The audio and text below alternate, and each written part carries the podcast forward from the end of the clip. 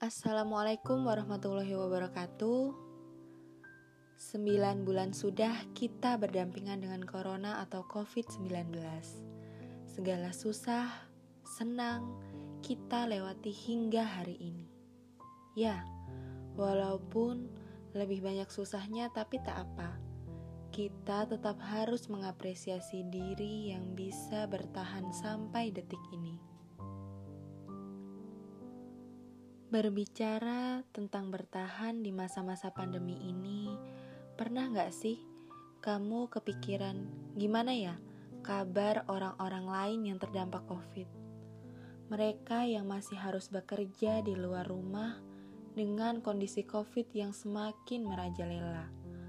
Mereka yang cara bekerjanya berubah karena diberlakukannya PSBB. Banyak sekali yang terdampak COVID tak terkecuali guru. Ya, guru juga mengalami banyak perubahan drastis dalam kerjaannya. Gimana ya kabar guru-guru dan cara belajar di tengah kondisi yang serba terbatas ini?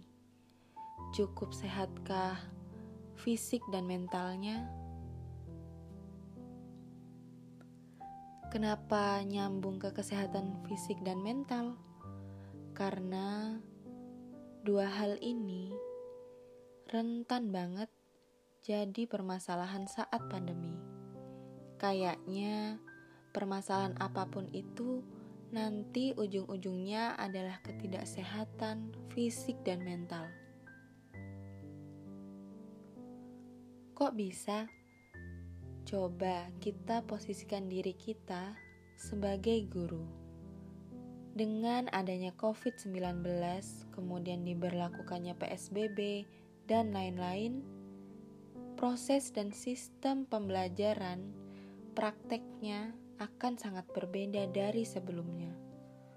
Mungkin sebelumnya effortnya atau usahanya berupa pembelajaran maksimal yang dilaksanakan di sekolah. Mudah untuk mengukur pemahaman siswa secara langsung. Tetapi saat pandemi, guru jadi sulit mengetahui pemahaman siswa. Belum lagi harus mahir menggunakan aplikasi-aplikasi pembelajaran seperti Zoom, Google Meet, Google Classroom, dan membuat video pembelajaran semenarik mungkin. Usaha yang besar itu pasti akan berpengaruh pada waktu dan tenaga yang ekstra daripada hari-hari sebelum COVID menyerang. Dan tak jarang, waktu dan tenaga yang ekstra menuntut guru untuk memberikan porsi lebih kehidupannya pada proses pembelajaran membuat guru mulai mengesampingkan kesehatan fisik dan mentalnya sendiri. Tak terlalu peduli lagi sudah makan dengan gizi yang seimbang atau tidak. Yang penting, siswa mampu menyerap pembelajaran dengan mudah. Tak peduli dengan kesehatan mata yang dibiarkan menatap layar laptop atau HP seharian hanya demi siswanya tak kesulitan dalam mengerjakan latihan-latihan soal. 24 jamnya diberikan untuk mendampingi siswa. Tak peduli dengan diri sendiri yang lelah dan stres dengan semua tekanan yang dialami. Yang ada di pikirannya hanya memaksimalkan tugasnya sebagai guru. Masya Allah banget ya pengorbanan guru-guru. Teruntuk guru-guru di mana pun Anda berada.